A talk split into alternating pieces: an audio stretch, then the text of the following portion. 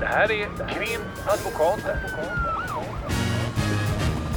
Och Krimpodden.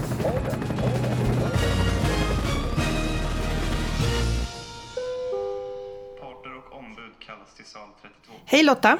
Hej Ulrika. Nu sitter vi här igen Ja. och eh, eh, jag tänkte lite som att eh, det blir lite, lite, lite, lite långsam start på en valupptakt skulle man kunna säga.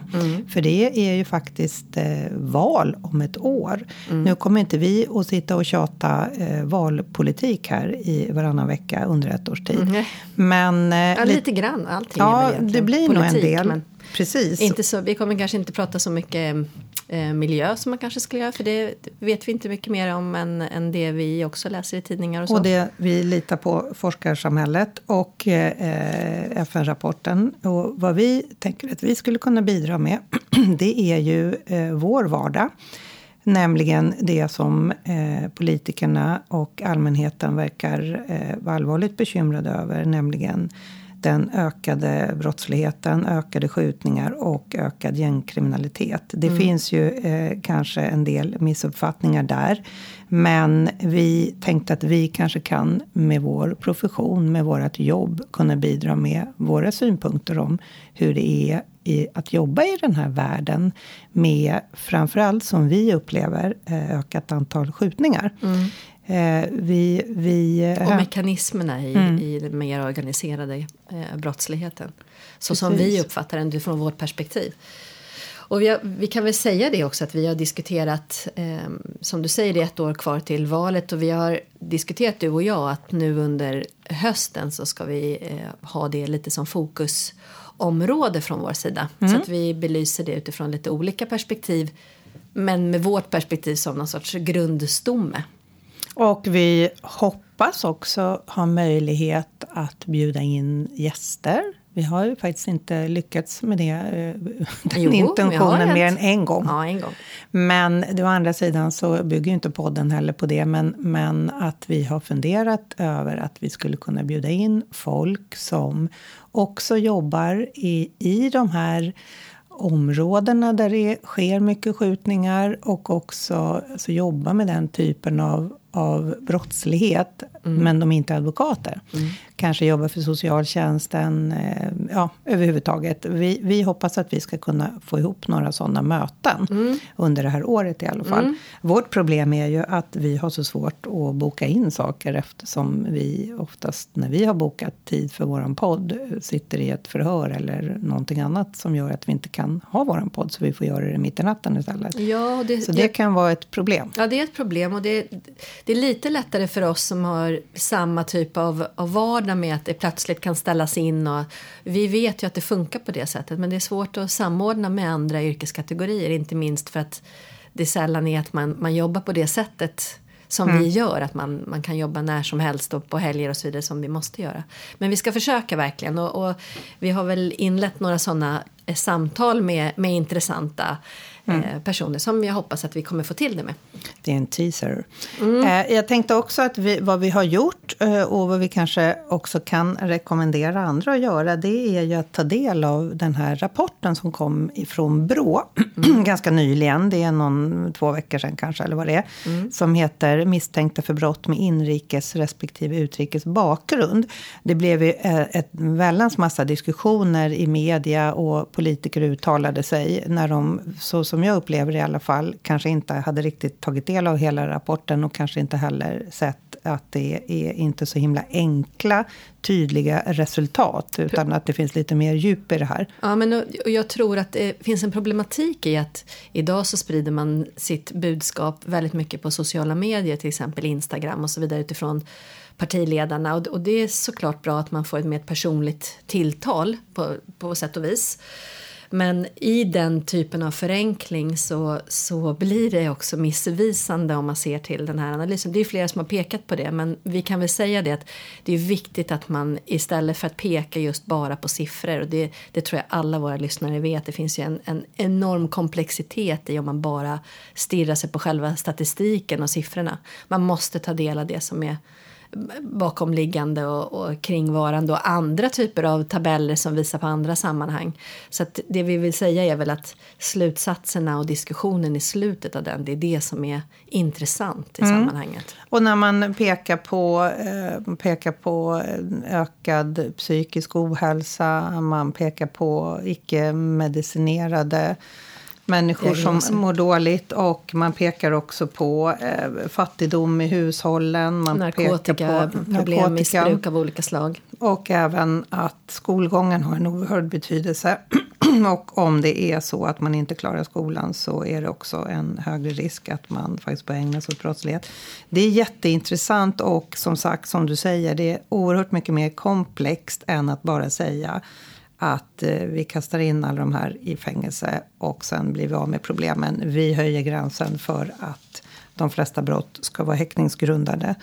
Vi har också ett problem i Sverige idag därför att om det nu blir så att som många, många politiker vill att man ska höja, eh, ta, eh, höja taken, om man får kalla det det, eh, när det gäller eh, fängelsepåföljder och häktningar. Att folk ska lättare bli, bli häktade. Så har vi en kriminalvård som inte hinner bygga fängelser och häkten. Så det är ett väldigt stort system som, stort... som inte riktigt mäktar med. Nej, men, och, och, jag tycker väl att det också är lite två olika saker. Det finns ju alltid andra delar. Det här med hur funkar det med budgeten och hur funkar det samhälleligt? Finns det ens utrymme? Har vi möjlighet att utöka? Vi har ju till exempel bara här i Stockholm så har vi ju Nackaresten som har fått nu bli häkte för att vi behöver mer platser. Så det, mm. och hur, var är gränsen? När har vi liksom inte ens utrymme? När har vi inte industrilokal eller vad vet jag om man tänker använda? Men, men det, det intressanta utöver det, för det är ju den praktiska problematiken.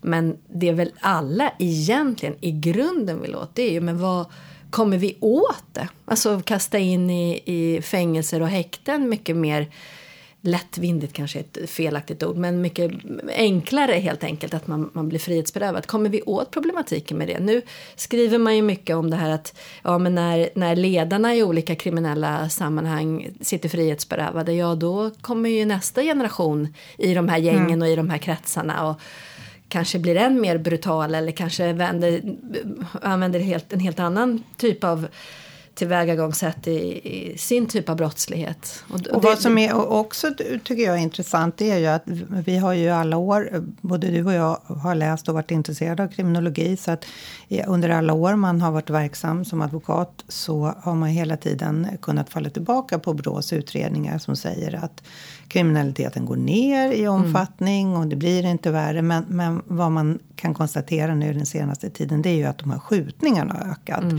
Och, och, och, så ser det ut. Och, sen, mm. och det är väl egentligen det som ska vara fokus för de här möjliga insatserna. Ja, och vad man ska göra då om man kommer undan med att kasta in folk eh, bakom lås och bom. Då kanske man hindrar en och annan skjutning mycket väl. Men sen som du säger så eh, kommer det ny, nya krafter underifrån. Så ja. länge som då folk uppenbarligen väljer att ägna sig åt brottslighet istället för att ägna sig åt studier. Och vad är skillnaden och vad är skälen? Ja, och det, det, det är där någonstans, det är det jag förstår att man måste belysa alla delar i det här men, men det är intressant och det som, som vi väl upplever att vi någonstans kan bidra med vårt perspektiv det är just de här skälen och utifrån vår uppfattning som, som träffar de här Ehm, personerna som faktiskt befinner sig i den här typen av miljö. Ja, och då Så, tänker jag också överhuvudtaget som sen, nu har ju vi jobbat i, i ett antal år eh, och jag kommer ihåg det, alltså när det var de eh, brotten som man hanterade eh, då för tiden. Det var ju när det var våldsbrott och, och om det var mord så var det oftast stickvåld, knivar. Mm andra yxa, typer av yxor. Liksom. Ja, precis. Ja. Och nu är det ju, eh, det är ju vapen, alltså eldvapen mm. som är, är, är med i de allra flesta morden. Där vi då eh, både är, är försvarare och där vi också är målsägande beträden. Så att det har ju ökat. Jag tänkte mm. på det eh, du sa just eh, när vi talades vid här för någon vecka sedan. När det var någon klient som behövde få hjälp. Eh, som hade blivit eh, släppt och behövde mm. få hjälp att och få ut sin skyddsväst. Mm.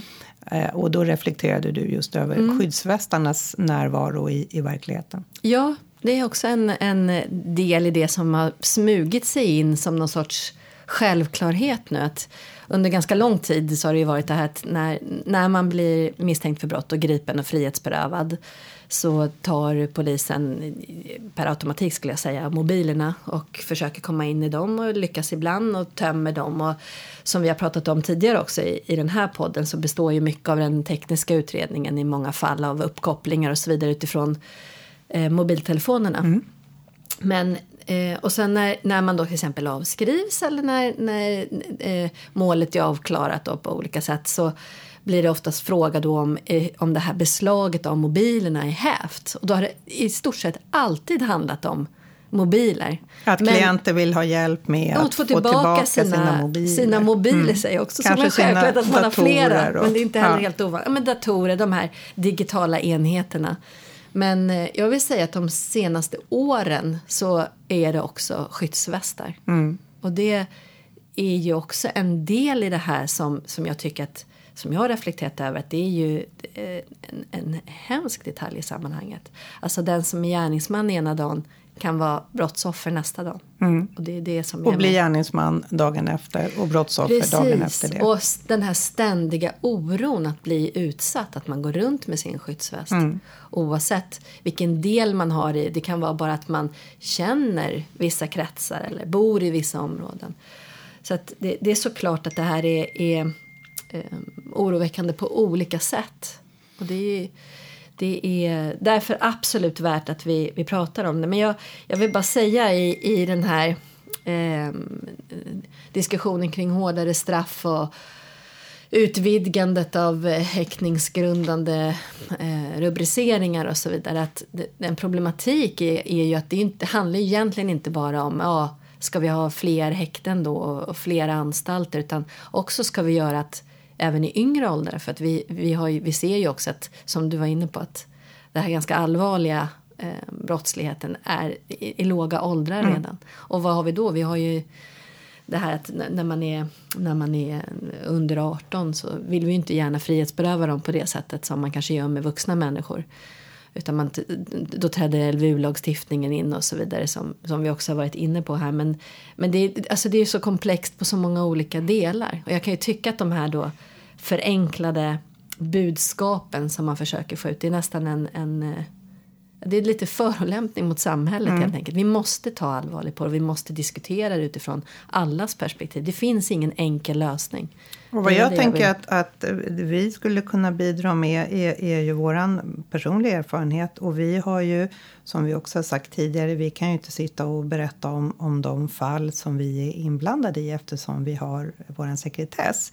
Eh, men samtidigt så har vi eh, fått möjlighet att eh, berätta lite kring, kring olika ärenden mm. ifrån våra klienter. Så vi givetvis inte på något sätt beskriver de här ärendena på ett sätt så att man kan definiera in vem det, det handlar om. Men att vi, eh, vi har klienter som tycker att det också är viktigt att vi försöker att beskriva hur deras vardag ser ut. Mm. Eh, både precis som du sa tidigare, när man är brottsoffer ena dagen, man blir beskjuten ena dagen och, och sen så beväpnar man sig och så kanske man skjuter på någon annan dagen efter. Att leva i det här som jag upplever att mina klienter beskriver någon typ av ingenmansland där ingen berättar någonting. Eh, alla håller tyst. Eh, man skulle givetvis aldrig ta hjälp av polisen. Det är deras uppfattning. Fast man kanske blir beskjuten. Utan vad man gör det är att man skaffar sig en skyddsväst. Och sen skaffar man sig vapen. Mm. Och eh, då har vi som sagt haft, har klienter som tycker att det är viktigt att vi också utifrån de samtal vi har med våra klienter gärna också försöker att belysa hur det kan kännas att leva på det sättet som många mm. lever i. Mm. Och då eh, kan man göra det, man säger som att det blir lite casebaserat, att vi kan beskriva hur det är eh, att, eh, och alltså hur det är att jobba som försvarare i ett mål där du företräder någon som är misstänkt för mord eller mordförsök, mm. eller kanske både och. Eh, och eh, när man också är målsägandebiträde i mord eller mordförsök. Eh, det skiljer sig åt. Om det är ett mord så företräder man ju det som är dödsboet, det vill säga de efterlevande.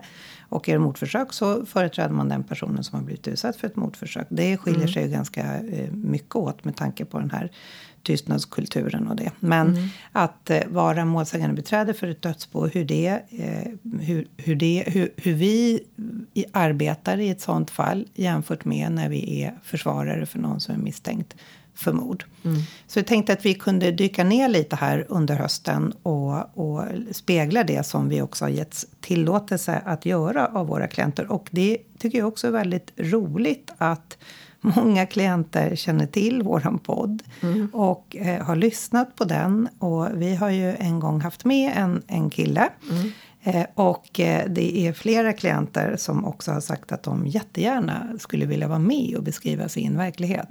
Men sen eh, oftast när det väl börjar närma sig så att de kanske ska vara med, nej då drar de öronen åt sig tycker det känns lite pinsamt och jobbigt och man vet ju inte vem som lyssnar och så. Men vi har, har som sagt fått möjlighet att, att, att berätta utifrån ett mer generellt perspektiv skillnaden eh, och likheterna med att jobba med den här typen av mål, både som målsägandebiträde och som försvarare. Då. Så man kan ju säga att det vi sitter och, och lite eh, trampar vatten kring just nu, det är att vi tänker att det blir som en upptakt. Mm, precis. Vi har också, eh, och faktiskt, eh, vilket vi kan rekommendera, läst eh, Diamant Salihus bok Tills alla dör. Den kom väl ut här under sommaren? va? Mm, ja, strax före sommaren. Strax före sommaren. Du har lyssnat på den som ljudbok och jag har läst den som pappersbok. Vilket var, det var en bra kombo eftersom du har haft möjlighet att lyssna mer då när man går och, och rör sig mellan bil olika åtaganden. Ja. Och jag har, har eh, plöjt den på kvällarna. Och, och då har jag ju också kunnat markera olika ställen. Det kan man ju inte göra när man lyssnar på den som ljudbok. Så att vi har kompletterat varandra i den. Men den eh, boken, den skulle jag rekommendera eh, faktiskt att läsa. Den är intressant därför att den, den bygger ju också på, det, han är ju journalist, men den bygger ju också på hans möten med personer som är, är involverade i, i skjutningar och gängkriminalitet i, i de här områdena av, av utanförskap. Och- Och, och just hans här- kontakt med dem. Precis, och just ifrån de som vi också då vill belysa de här olika perspektiven. Alltifrån föräldrar, de som är direkt involverade, kringvarande personer, eh, skolpersonal.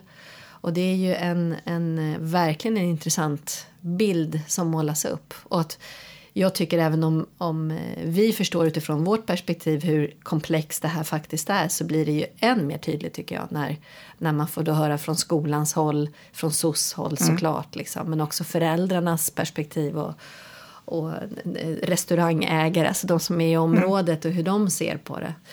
Eh, nej, det, verkligen, den rekommenderas att läsa. Så jag tänker att, att vi har liksom en, en hel del utgångspunkter. Vi har Brå-rapporten, vi har också eh, den här senaste utredningen som, inte, som ska gå ut på remiss nu. Mm, gängbrottsutredningen. Precis. Och eh, eh, vi har eh, den här boken och eh, ja, det Sen som... är det faktiskt, tycker jag... ehm, avbryter jag dig mycket idag? Ja, det det får du känns som. jättegärna göra.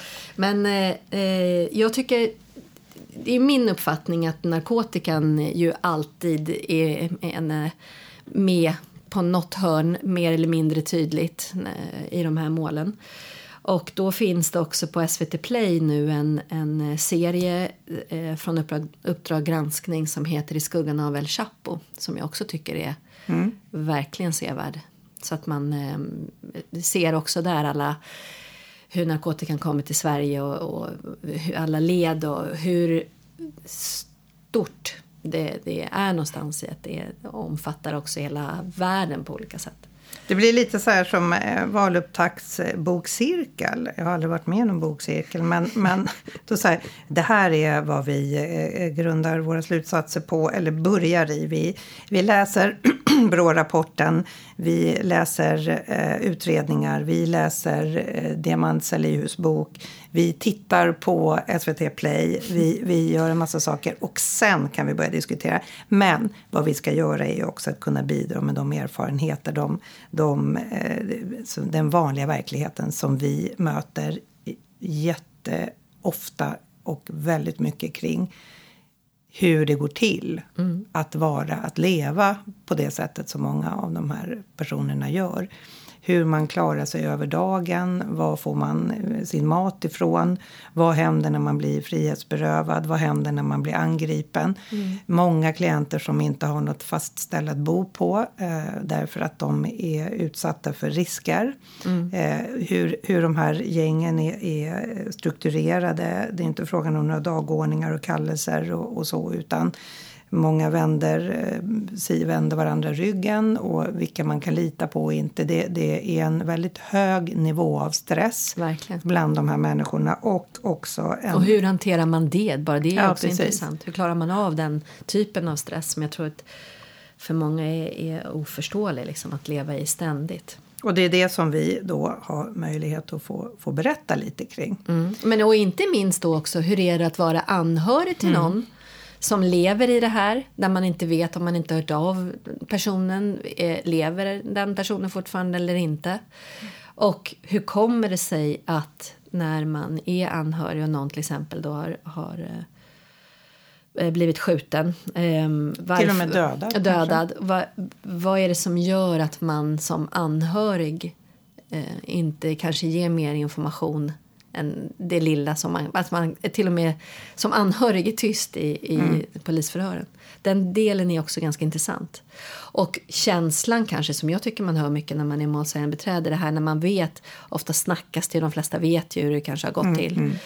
Um, och hur känns det som, som anhörig att känna till det? Att inte känna att man kan medverka i, i utredningen och när det sen, nu fanns det ju rapporter här, var 250 olösta mordfall mm. hos polisen. När, när också utredningarna då går i stå helt enkelt, eller går i stå, de, de, de är ju skyldiga att utreda vidare givetvis, men när man kanske inte har fler trådar att nysta i för att kunna styrka att det är så här det har gått till. Trots att, att eh, man kan säga inom citat att alla vet vilka som har gjort det här och alla vet nu vem som kommer att eh, bli mm. angripen för att den är misstänkt för det här. Och det är ju så som det är med, med rykten och, och, och skvaller och allt vad det kan mm. tänkas vara. Det är ju inte alls säkert heller att det faktiskt är på det sättet. Nej. Men eh, i vissa fall så, så kanske det är så, men det kommer aldrig till, till en rättslig prövning. Nej. Eh, och då, då, finns det ju också, vilket många av våra klienter, eh, en del av våra klienter ska jag säga, beskriver att, att i avsaknaden av en rättslig utredning så, så eh, utsätter man också personer för risker mm. eftersom det kanske inte alls stämmer. Mm. Därför att det som rättsstaten kan bidra med, en ordentlig förundersökning, förhör, teknisk bevisning, allt sånt som kan fälla eller fria en person. Det är lite skillnad när man får gå på rykten och, och vad man känner till om olika personer. Mm. Och det kan också göra att man blir, blir rädd och orolig att man ska bli angripen om mm. någon i, en, i ens egen krets eh, anses ha varit skyldig mm. så kan man själv bli utsatt för en skjutning i anslutning till det. Mm. Det här är, är, saker som vi återkommer till. Nu, nu återkommer vi till det mesta, tänker jag. Ja, men, men det vi kan eh, säga idag i alla fall, det är väl lite... Vad, hur skulle du säga, hur är det att vara advokat i det här läget? Tycker du att din roll som advokat har förändrats på något sätt eller påverkat dig på annat sätt de senaste, säg de senaste tre till fem åren? Ja, det skulle jag säga på, på det sättet att det är... Nu bor ju vi i Stockholm och verkar i Stockholm. Mm. Det är jättestor skillnad eh, beroende på var man har sin verksamhet.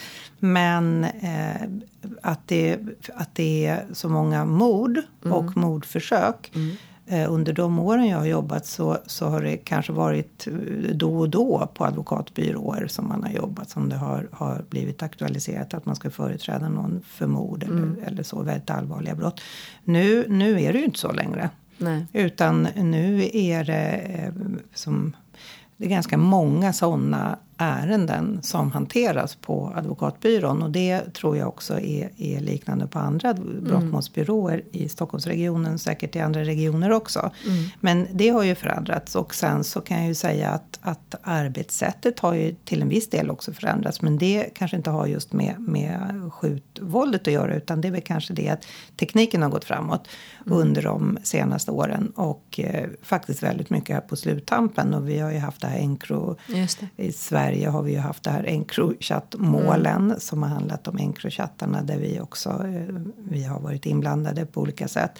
Så det är klart att det, eh, tekniken har också gjort att vi har... Eh, alltså det, det är lite, en, lite ett annat arbetsläge. Mm. Och också det här med att skjutvåldet och gängkriminaliteten har ju också gjort att våra klienter är, är inte så benägna att, att berätta saker eller kanske komma med invändningar som, som man kanske tidigare hade gjort. Mm. Som kanske också hade förmildrat det hela därför att det går att visa att det finns en, en adekvat invändning om nödvärn eller mm. nöd eller någonting liknande.